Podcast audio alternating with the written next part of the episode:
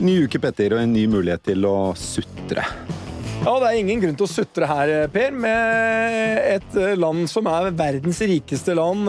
12 500 milliarder i oljefondet, og så har vi overskudd på statsbudsjettet på Ja, det... enormt. 1100 milliarder. Ja, men Det renner jo over av penger her. Ja, det gjør jo det. Eh, Litt sånn krigsprofitørpenger, da må det være lov å si. Det er ikke lov å si, for det er ikke riktig. Men vi går videre. Det er jo eh, i stor grad eh, nettopp det det er. Kraftprisene har eh, steget i været, gassprisene har steget i været, oljeprisene holder seg godt, og mye grunnet krigen i Ukraina. Ikke bare, men mye. I det bildet så har jo da regjeringen kommet med en, et forslag til statsbudsjett som alle rike menn og kvinner elsker. Eller er det satt på spissen, Petter? Hvor er du skal hen nå? Nei, det er jo et veldig upopulært budsjett, og derfor har vi eh, Norges eh, sjefssutter, skal vi kalle deg det, Ole Erik Almlid, i NHO. Vi har deg i studio. Fordi nå har du gått fra Vi har jo alltid fremsnakket eh, Ja, gjestene våre. Men heldigvis så kjenner vi Ole Erik så godt nå, jeg føler at det er lov å det er litt, Dette er litt sånn Det er kjærlig mobbing, Ole Erik. Det er lov. Fordi du har jo gått fra å være bekymra på vegne av dine medlemmer med pandemien, Ja. ø, til strømkriser som går galopp, Ja. til nå statsbudsjettet, bare for å sette liksom kronen på verket over ting du virkelig kan Sutre over. sutre over, ja. På vegne av dine medlemmer. Ja. Eh, um, vi skal ha deg, men vi skal også ha en av Norges sjefstrøstere. Derja Insedørsu, sjeføkonom og, nei, forbrukerøkonom og advokat i Nordea. Ja. Velkommen til deg, fordi din jobb er jo mer sånn slapp av forbruker, det ordner seg. Vi sparer litt mer der, eller tenk på Er det ikke det? Altså, Ja. Du er mer sånn positiv tilnærming til budskapet enn det Ole Erik eh, har en tendens til å I hvert fall har vært i, i det siste, da. ja. Jeg, jeg sutrer mindre, kanskje, Ja. vil jeg si. Ja. Ja. Det håper jeg. Men du er litt sånn som meg, du er litt mer optimist. Du ser litt Ja. mer løsninger. Ja. Ja, det er jo mye hyggeligere. ja. Jeg er alltid optimist. optimist. når vi er her med to sånne som alltid sutrer, alltid er noe gærent, så er det, det- vi må ha noen sånne som oss også. Ja. Det, er de, det er de som oss som har bygd landet, vet du. Ikke de sutrebukkene. Vi var enige om at vi skulle mobbe Ole Erik i dag, ikke meg. Nei, Han åpna jo med en ganske frisk beskrivelse av deg, som ikke jeg skal ta. Nei, han kalte meg søt. Søt Nei, var- sosialist, sa han. Ja, det Ja, det var vel eh, Søt var nummer to. ja, ja, ja, ja, ja. Nei, det var litt Søt sånn var mer for å pynte litt. Ja, ja, kalte meg en ja. sosialist. Ja. Men du, Ole Erik, hvorfor, eh, sånn, hvorfor eh, har NHO så store problemer med statsbudsjettforslaget til regjeringen?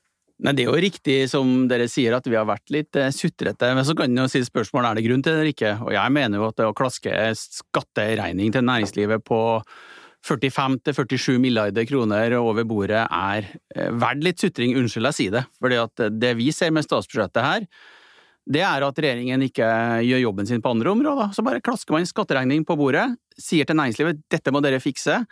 Det vet vi betyr tapte arbeidsplasser. Vi vet at det betyr tapte muligheter, så vi er Hvilke områder er det regjeringen ikke gjør jobben sin? Nei, vi mener at de burde vært mye mer offensive på å se på om det er mulig å kutte offentlig sektor. Det, der er det masse milliarder som går ut, og vi har altså 60 Vi skal ikke bruke for mye tid på tall i dag, men det er 60% av BNP er nå offentlig sektor. Det eneste landet i hele verden, kanskje ved siden av et land som vi ikke skal sammenligne oss med, eh, men ellers så er det Så jeg synes det er en unnlatelsessynd at man ikke tør å gå løs på offentlig sektor og bare kaste regninga over på næringslivet. Så da blir det litt sutring. Men eh, hvis eh, Nå er vi en som da kan sutre på vegne av næringslivet. Eh, hvis du ser på eh, vanlig mann i gata eller mann og kvinne i gata. Når du så statsbudsjettet, hva er liksom de umiddelbare rådene du ville gitt da? Du sitter eh, og skal gi råd til tusenvis av mennesker. Mm. Nei, altså jeg, jeg ble overraska, fordi her lovte de eh, stramt, men rettferdig budsjett. Stramt ble det. Eh, jeg kan ikke si at det ble så rettferdig, eh, for nå snakker jeg jo, jeg, jeg snakker jo på vegne av forbrukere. Og, og, og du vet, altså, renta går opp, eh, matprisene, strøm, alt stiger samtidig. Mm. Og det er veldig mange som som sliter.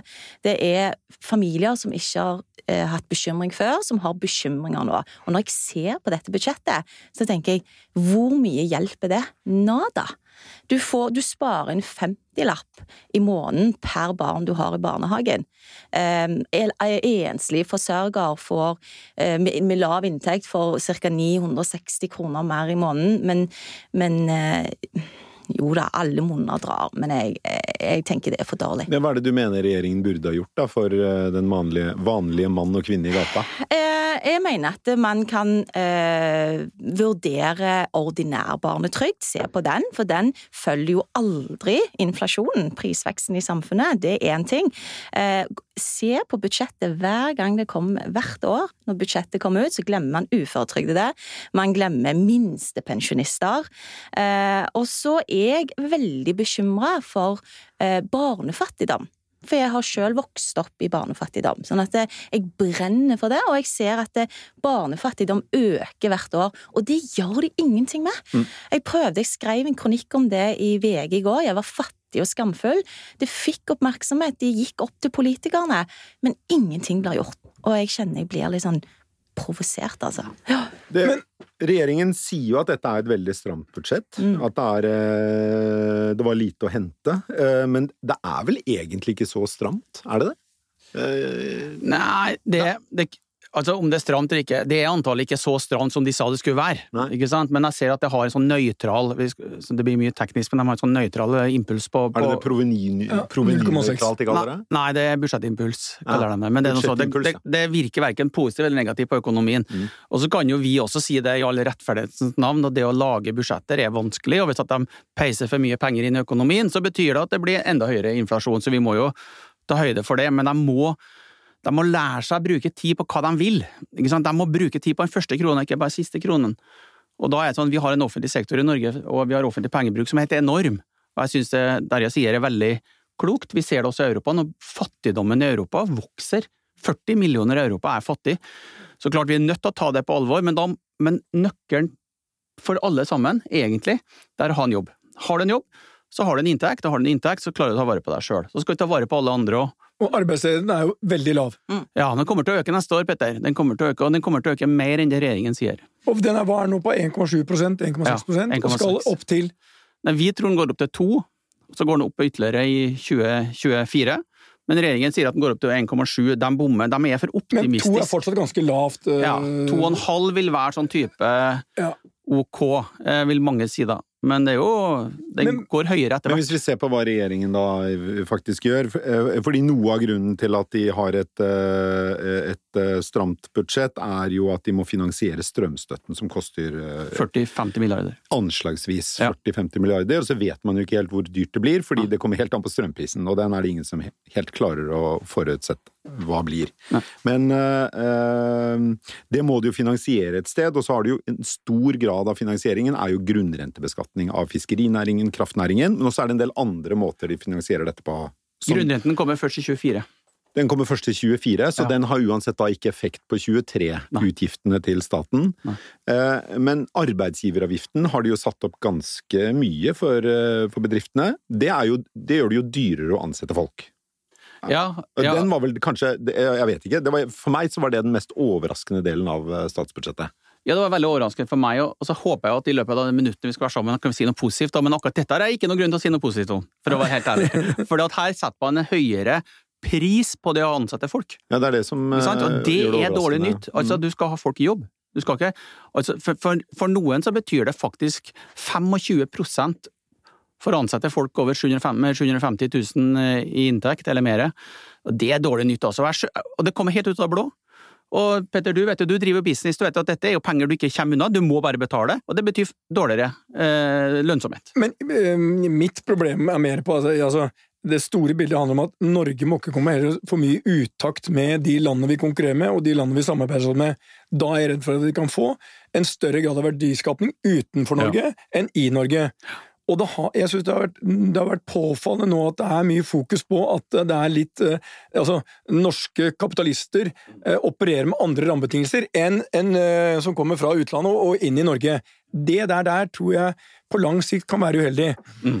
Men hva, hvis du skulle, når du ser på noe, hva tror du er mest uheldig med den retningen vi ser nå? Altså, to, altså fremover nå, for det jeg ikke skjønner Alt det vi snakker om Vi har jo uendelig mye penger her.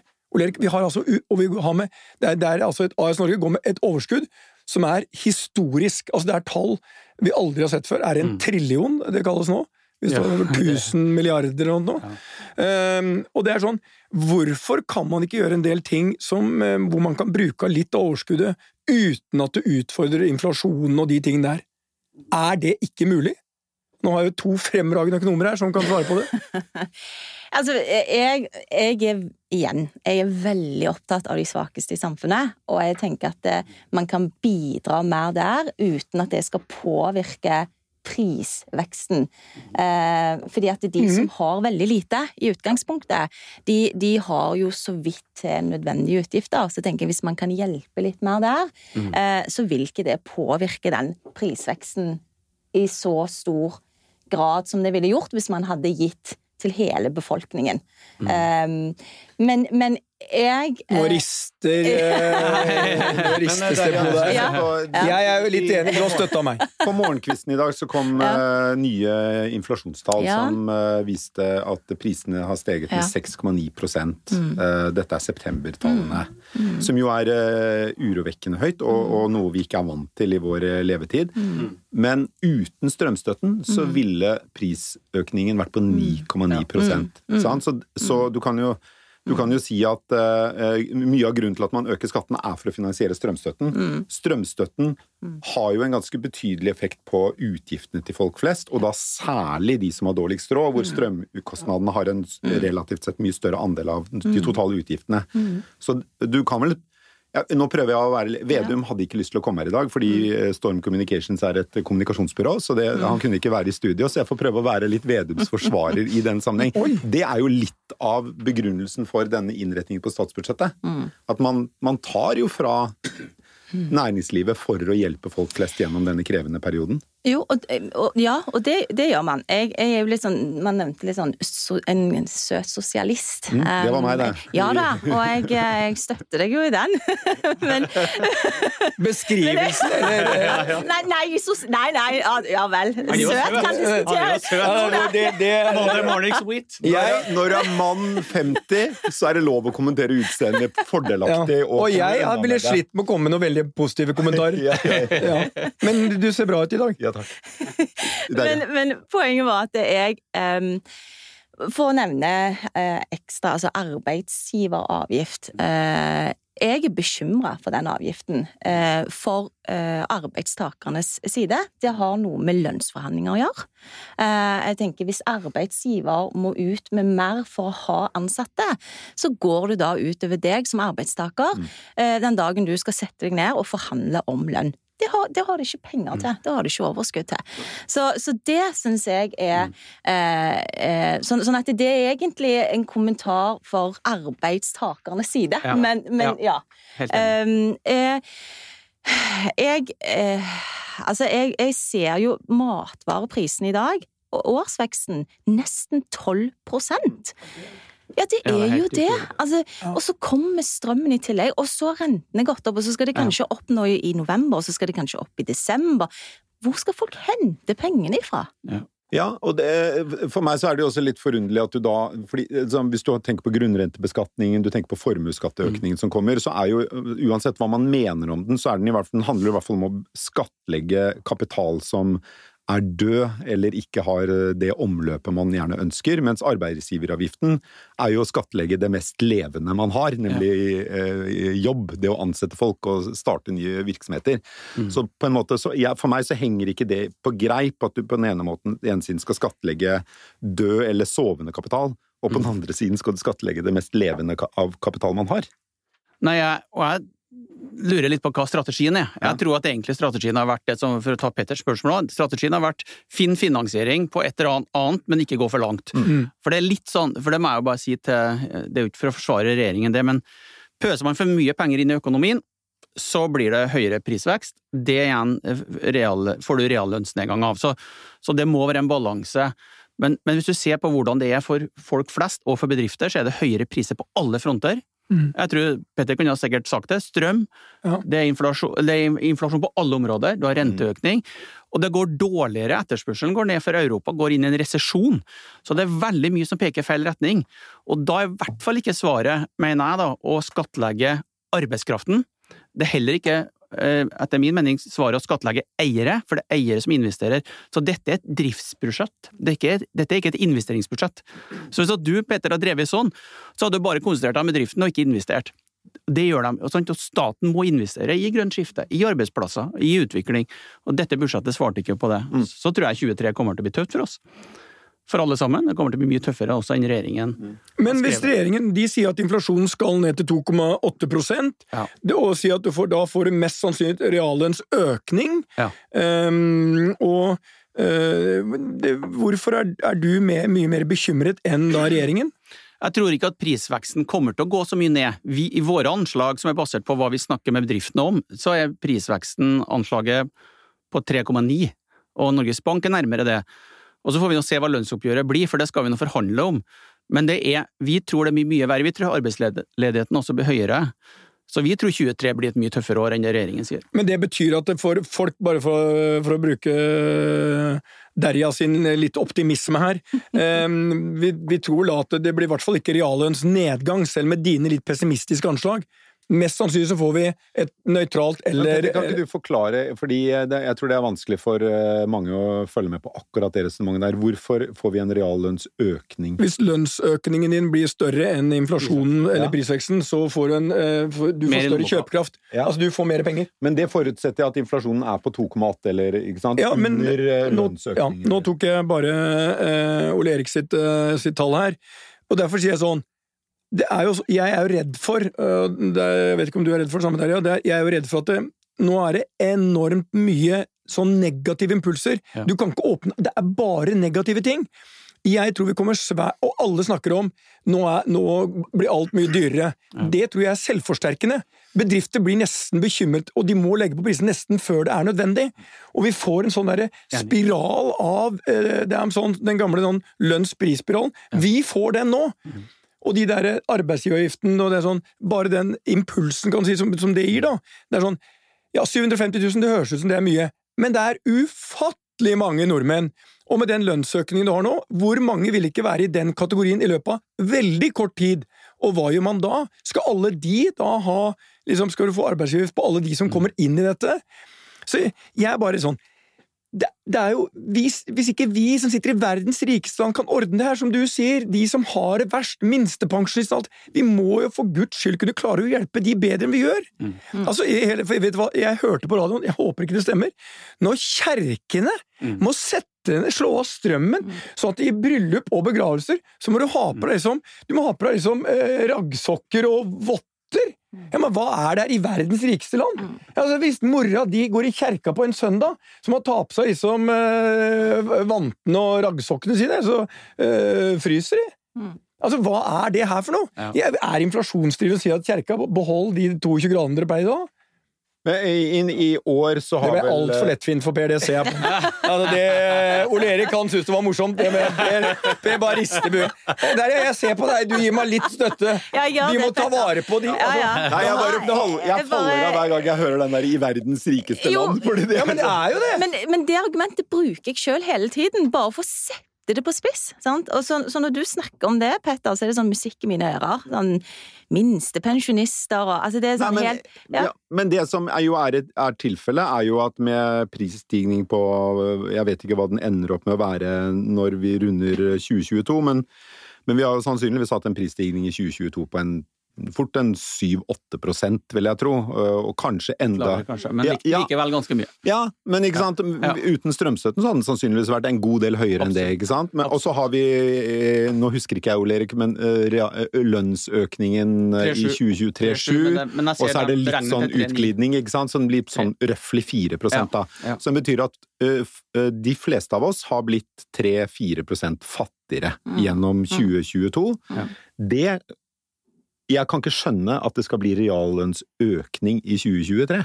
Nei, og for det er jeg òg bekymra for, at det er jo flere årsaker eh, til inflasjon. Sant? Prisstigningen. Det ene er at eh, etterspørselen er høyere enn tilbudssiden. Ikke sant? En annen årsak er jo det at eh, bedriftene, produsentene, får dyre eh, Altså høyere utgifter. Altså råvareprisene er jo kjempedyrt nå ute på markedet. Og det er blant annet på grunn av krigen, ikke sant. Og, og når bedriftene, produsentene, får høyere kostnader, hva skjer da? Det lemper de over på forbrukerne. Så uavhengig av om forbrukerne bruker penger eller ikke bruker penger, så vil vi likevel oppleve en prisvekst, fordi bedriftene har fått en økning i utgifter. Ja. Og så er det jo grenser for hvor mye man kan lempe over på forbrukerne, før forbrukerne enten ikke har råd eller Ja, finner andre ting å kjøpe, ikke sant? Men det ser du Men- Og det Du ser du ut. Du ser at økonomien kommer til å bremse Ja. fordi at du tar det ut der. Og det er jo for, sånn er det Mm. mekanismen. Så du tar det ut der. Mm. Så jeg tror at det er så, det, vi er i en perfekt storm, Mm. og den slår ut veldig hardt for de som er svakest, Mm. og det slår ut, slår ut hardt for de som ikke plutselig er i jobb. Så jeg er veldig redd for at jo høyere ledighet, jo flere som faller ut. Det er mye verre å falle ut nå enn det var for Ja. noen år siden. Ja. For, får, for det kommer til å være så mange ting som, som er stang ut, eh, stang ut for mange. Da. og sannsynligvis så er det jo nettopp økt arbeidsledighet som Ja. kan uh, stanse prisveksten også. At, Ja. når det, at det går så dårlig i realøkonomien at eh, bedrifter ikke kan legge kostnaden over på forbrukerne. De må ta kostnaden selv. Deres løsning på det er å nedbemanne og kutte produksjonen. Mm. Ja. Økende arbeidsledighet. Og så Da har det gående. Da har du det gående. Og dette Ja. kan jo vare en stund, kan det ikke det? Jo, vi tror det varer en stund, og, det, som, det som skiller dette fra andre kriser, er at dette også er en tilbudskrise. Det er jo ikke Altså, verdikjedene fungerer ikke, distribusjonslinjene fungerer ikke. I tillegg så har du en energikrise i Europa som gjør at dette blir helt annerledes enn det har vært før. Så, så pandemien var jo slik, det husker jo vi, Petter, det var sånn, la oss få den, eh, få den her nye vaksinen på plass, og så gi det litt tid, så er vi ferdig. Mm. Sånn, vi begynte sånn, og slutta sånn. Vi visste ikke når det var, det tok litt lengre tid enn vi ønska. Dette er mye mer uforutsigbart. For på toppen av det så har du en geopolitisk situasjon Mm. som er vanskelig. Hva gjør Kina i Taiwan? Hva gjør egentlig Russland om et år? Så så dette er veldig vanskelig å, å forutse hvordan det blir. Det kan bli vanskeligere i 23, det kan bli vanskeligere i 24. Og dette er, dette er dårlig nytt for veldig mange i Norge. Mm. Så nå, nå blir det mye sut- sutring, men det er greit å være forberedt på det, for jeg syns regjeringen var vel optimistisk. Ja, men jeg syns egentlig ikke dette er sutring, for dette er mer prøve å forstå hva det er som Ja. skjer. Men vi får å ta det litt inn på, på din eh, naturlige hjemmebane, da, Ole Erik. Sutring på vegne av eh, næringslivet. det er så søt. Vi må bare snakke litt om grunnrentebeskatningen av eh, oppdrettsnæringen og kraftbransjen. Eh, dette er jo noe som eh, Det har vært et skatteutvalg som har anbefalt dette, og dette er ikke, dette er ikke kraftsosialister som har funnet på. Dette er det blant annet en professor ved Handelshøyskolen som har ledet dette utvalget, som mener at grunnrentebeskatning av oppdrettsnæringen, det er en ikke økonomisk, men en, en, en prinsipiell no-brainer. Det må man ha for at det skal henge på greip. Men det var vel allerede i beskatter 2014 var det, når de kom Ja, med. 2018 var Dette, det, dette har jo vært varslet lenge, og, og bransjen har jo også ventet på at dette skulle komme, men likevel så overrasket det bransjen at den kom nå, og at, det Det kom, så, og at den kom så kraftig Ja, som den gjorde nå. ikke sant? Kan ikke du bare, fra NHOs perspektiv, hvor, hva er det som var så overraskende? Nei, det første så var det overraskende at den kom nå, Mm. og at den var utformet som den var. Det er jo et skatteutvalg, Torvik-utvalget, som skal levere sin innstilling i slutten av desember. Vi har god tradisjon i Norge for å ha store, breie skatteforlik basert på utredninger, så jeg syns det var litt overraskende. At den kom nå, ja? Ja, at den Mm. kom nå. Og det andre er jo det at det er jo fortsatt noen som diskuterer om det er grunnrenteberettiget eller ikke. Fordi at du, du bruker ikke opp ressursen. Du bruker havet, du bruker sjøen, og så gjør du det på en ordentlig måte, og så slutter du på et tidspunkt å gjøre det. Så det er diskusjon om hvordan dette er, også for å si det siste. Man sier at grunnrente er innmari bra, for da er den nøytral, vi skal ikke gå inn på det, men faktum er at det er veldig mye av investeringen er jo tatt. Så du putter en 40% skatteøkning på toppen til investorer og private eiere som da får mindre å rutte med å bruke penger. Så, så vi kommer nok til å diskutere denne en god stund til.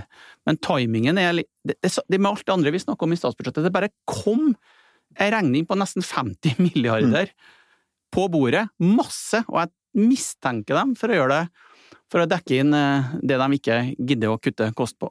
Timingen er vel uh, skyldes helt sikkert det, ja. Og det er jo som du sa innledningsvis, de har jo knapt kuttet i offentlige utgifter. Nei. Det har de ikke gjort. De har bare satt, de har bare satt stopp, men det er jo ikke kutt. Ja. Så, det, så det jeg tror at jeg tror nok det blir en litt annen type diskusjon, og veldig mange ordførere rundt omkring i Norge ser jo kostnaden med dette med at de taper arbeidsplasser, får ikke gjort investeringene de skal ha gjort. Okay. Men, men eh, Derja, når du gir råd da, hva er dine råd da til eh, vanlige folk? Eh, når du står der foran 500 stykker som skal gi noe råd, fra på vegne av eh, Nordea. Her gir du råd. Nå er caset case ditt er da Per. Hjelp, Okay, jeg, jeg, hjelp Per. jeg, eh, Per-hjelpen. jeg antar at Per har lån, gjeld, Det tror jeg vi kan legge til Det grunn. kan du Ja. eh, legge til Og grunn. har bygd hytte. og, byg, oi, oi, ok, ja. Mm. Eh, Og Per har små barn. Eh, Jeg tenker det første Per skal gjøre, det er å gå gjennom sine finansielle avtaler. Gjort. Bra. Og da mener jeg, for lytterne her, eh, boliglånsrente. Kan du få en bedre rente der? Trenger du alle forsikringene du har? Kan du få bedre priser på forsikringene dine? Undersøk det. Um, og så eh, sparing. Ja. Og da tenker jeg, hva sparer du? Hvordan sparer du? Eh, aksjemarkedet. Hvordan sparer du i aksjemarkedet? Eh, tenk langsiktig sparing. Plasser mer penger. Ha en buffer. Eh, sikre fremtiden din. Samtidig som du skal òg leve litt, da. Den bufferkontoen er jo Ja. vanskelig in the best of times. Den blir jo ikke lettere å ha i, Ja, men, men i disse, disse kunstkjøpene er kanskje noe som eh, lett uh, der jeg ville anbefalt. Det, kanskje Ja, man fordi skal utsette litt. Der, ja, det, det, sånn, Impulskunstkjøp. du kjenner jo ikke meg så godt, men, men eh, gi Denne mannen virker jo veldig disiplinert. å gi råd til meg om å kutte kostnader, det er så mange lavthengende frukter. Det det- er, det er, det er en veldig lett jobb. Men Per holder jo økonomien gående i dårlige tider. Lener vi Men- på Per. Jeg finansierer fire kunstnere, bare jeg. Ja, jeg, jeg, altså hadde jeg vært Per, så hadde jeg brukt litt mindre penger på kunst, og kanskje litt mer på klær. Ja. Litt mer på å gå ut på restaurant, litt mer på å leve. Ja. Ja. Men uh... For disse platene du har på veggen, de gir ikke samme glede. Nei, de, i, ok, men uh, hvis vi ser bort fra Per-hjelpen, da, den er, eh, den er et case for seg selv, men Eh, Jeg føler jeg har bidratt veldig mye der. en gjennomsnittlig Nordea-kunde, eh, helt sånn praktisk fordi, altså, i, i, i- sånn, eh, mm, Hvis vi ser bort fra sånn tenk langsiktig sparing din og alt sånn, men eh, tre spareråd nå til en gjennomsnittlig Nordea-kunde, hva er det?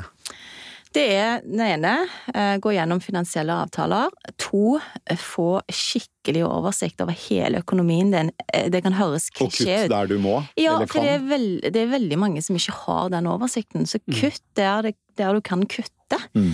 Eh, og, så tre, så tenker jeg ha en sånn sikkerhet der som er tilgjengelig. Eh, en fjerde, noen må endre på livsstilen sin. Mm. Og da blir det Petter, mindre restaurantbesøker, mindre ut på byen, for Ja. noen. Men du skal jo ha litt moro også. Ja. Men jeg ser jo, vi er, jeg er også litt inne i kjøpesenteret. Nå ser vi det. Altså, jeg pleier å si at jeg ser først på bilbransjen som en sånn fin konjunkturindikator. Altså. Men når du ser nå, nå kommer kapitalvarer, men du ser det også i stor grad på sport. Nå ser du det på klær. Ja.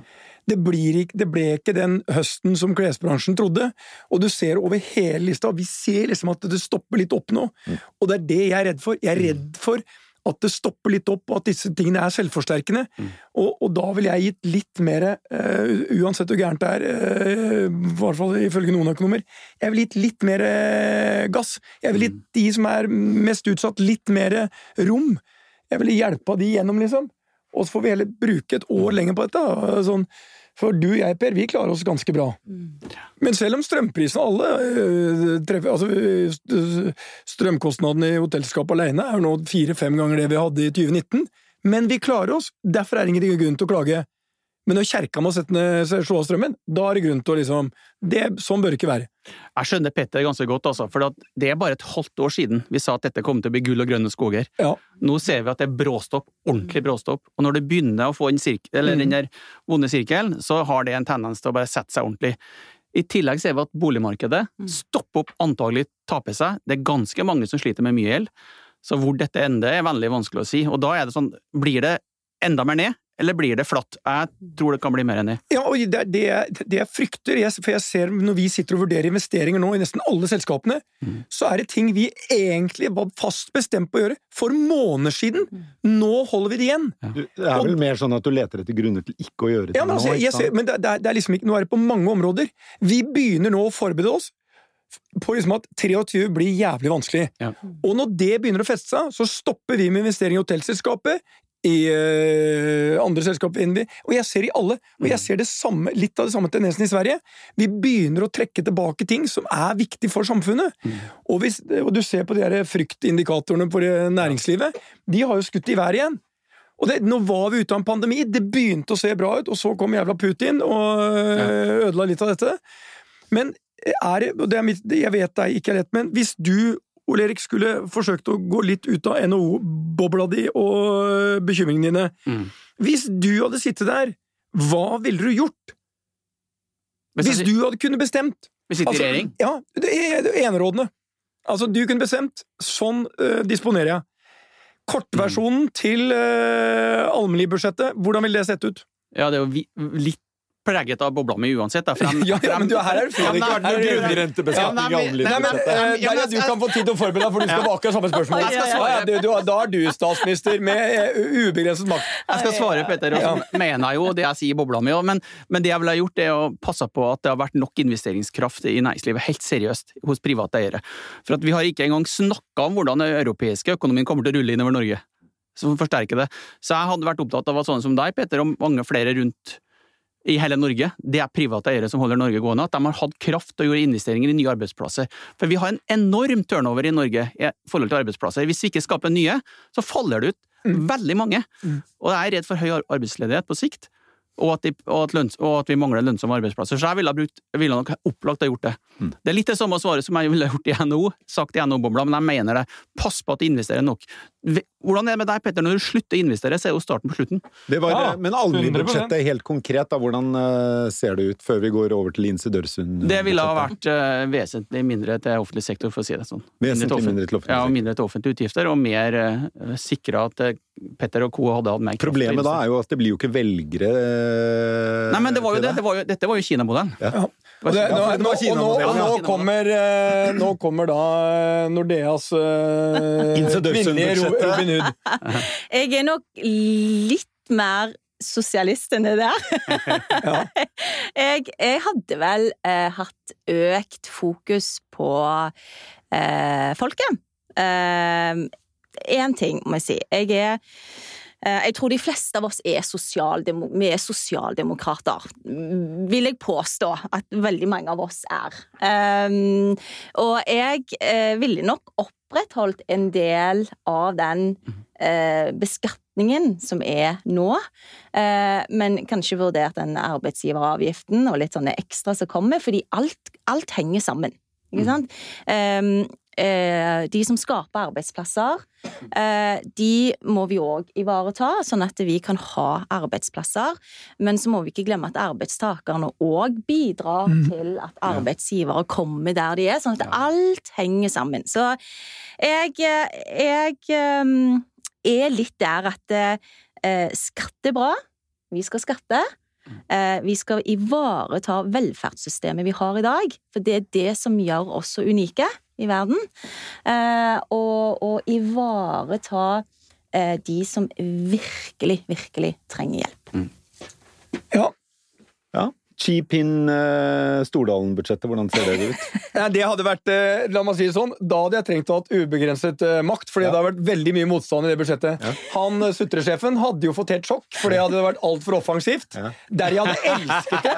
Det, var, altså, det var ubegrenset pengebruk. Det er jo Noen spurte meg, De mente at timingen inn på å åpne Sommero var helt gal. For det kom jo akkurat når liksom det blir litt tøffere i markedet. Og når vi dro på med fullt jazzband til lunsj og middag og full gass hele tida. Og det er da jeg sier folk skal både ha mulighet til å gå ut og ha det hyggelig. Folk skal ha mulighet i verdens rikeste til å ha et bra liv. Og vi skal få med alle, spesielt de som sitter nederst på bordenden. Så jeg ville, jeg ville bare Jeg ville sagt til kjerka Jeg ville pøsa på. Mer og jeg ville bygd Mer køl. Altså, det her ville vært infrastrukturprosjekter uten sidestykke. Høyhastighetstog. Behøver Ja, ikke, du behøver Også- ikke Kina-modellen for å du, du vinner valget, du. Nei, altså, jeg hadde, jeg hadde altså gått ut så offensivt, så hadde jeg fått mye motstand pga. inflasjonen. Eh, og jeg skal være så ærlig, mitt budsjett hadde ikke kanskje hatt helt løsninger på, men jeg mener at mye av den er importert, og mye av det skyldes geopolitiske ting. Som, når det løser seg, så vil vi benefitte av det. Jeg hadde ikke akseptert at vi skulle kjøre så stramt som vi gjør nå, spesielt overfor den store andelen som er mest utsatt.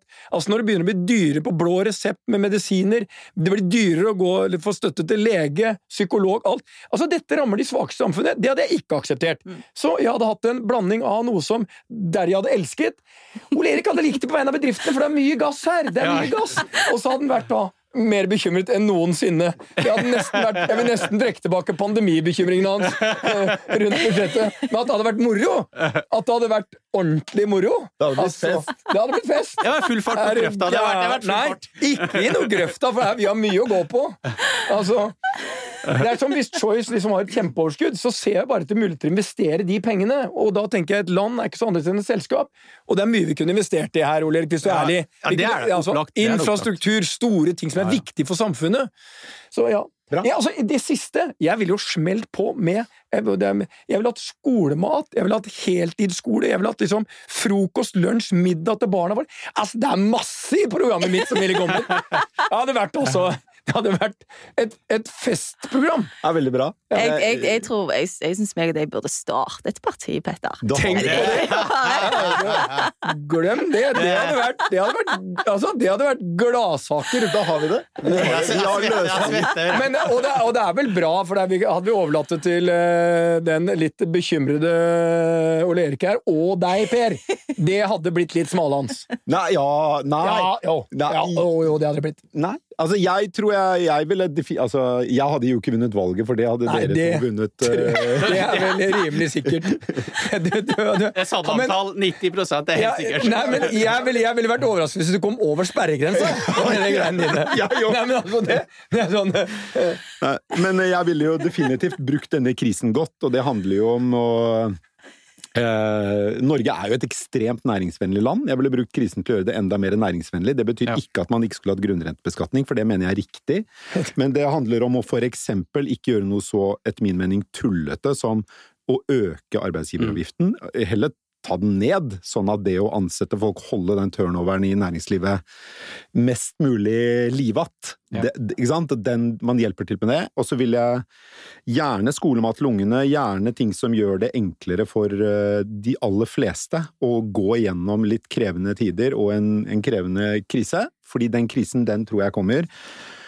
Så godt som alle har undervurdert inflasjonspresset i norsk Ja. og internasjonal økonomi. Ja. Eh, Så godt som alle har trodd at det skulle være kortvarig. Men den talen her, tror du at- den hadde gjort at du Nei, fått det er over det er sperregrensa? derfor jeg Det er Kina-modell. Det er Ja, Kina-modell. det er derfor jeg, jeg trenger Kina for å få gjennomslag her. Men eh, det, det, det mm, eh, det- Jeg tror at 2023 kommer til å bli et ganske krevende år for mange nordmenn og for næringslivet. Jeg tror at 2024 kommer til å bli det òg. Jeg tror kanskje vi ser lysere tider i 2025.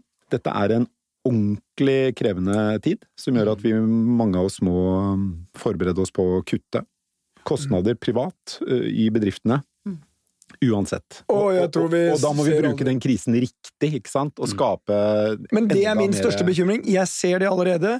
At ja, selvfølgelig vi, får, vi drar inn mye kjøpekraft her, kombinert med at bedriftenes vilje til å investere fremover faller. Betydelig. Ja, og det, betydelig. det er det mest skremmende. Ja. Og det ser du ikke før det nesten er for seint. Og, Og det jeg- gjør at denne krisen Ja. kommer til å vare, den. Ja, og det, ja det er da, da tror jeg krisen kanskje både kan bli lengre og dypere. Ja. Så, øh, men eh, jeg tror nok at eh, Dasha og mitt parti, det, Derja og mitt parti, det hadde vært altså da, hadde, da, da hadde ikke alle overskriftene vært like negative, for å si det sånn. Nei, nei, nei.